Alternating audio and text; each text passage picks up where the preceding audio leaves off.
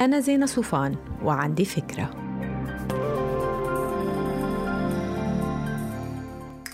هاي تعبت من الديون وبدك تشيل هالصخرة عن صدرك؟ فيك.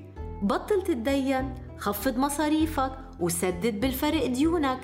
رح تقلي يا ريت الموضوع بهالسهولة. رح لك هو صعب مش سهل لكنه ممكن إذا بديت في الحال.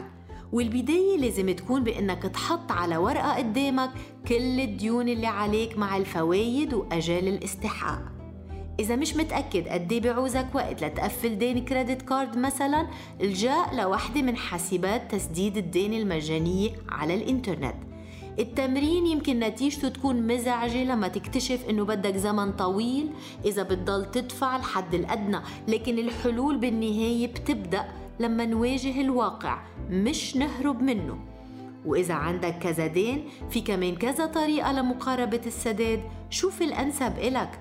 فريق من الخبراء بينصح بأنه أول دين يتسدد يكون اللي بيحمل أعلى فايدة. لكن في فريق بيقول سدد أول شيء أصغر دين لحتى تحس بالإنجاز وتشخط بسرعة واحد من البنود على ليحتك لكن بجميع الأحوال أنت مش رح تقدر تخطط لإغلاق ديونك بدون ما يكون عندك ميزانية.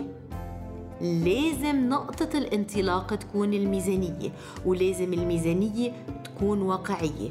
خفض مصاريفك بالعقل وبشكل مستدام لأنه الحرمان بينتج عنه أحيانا رد فعل عكسي تماما. وأي حدا عمل رجيم غذائي قاسي بيعرف كتير منيح أنا عن شو عم بحكي. ما تنسوا تعملوا download للفكرة تعطوها rating وتساعدوني بنشرة. bye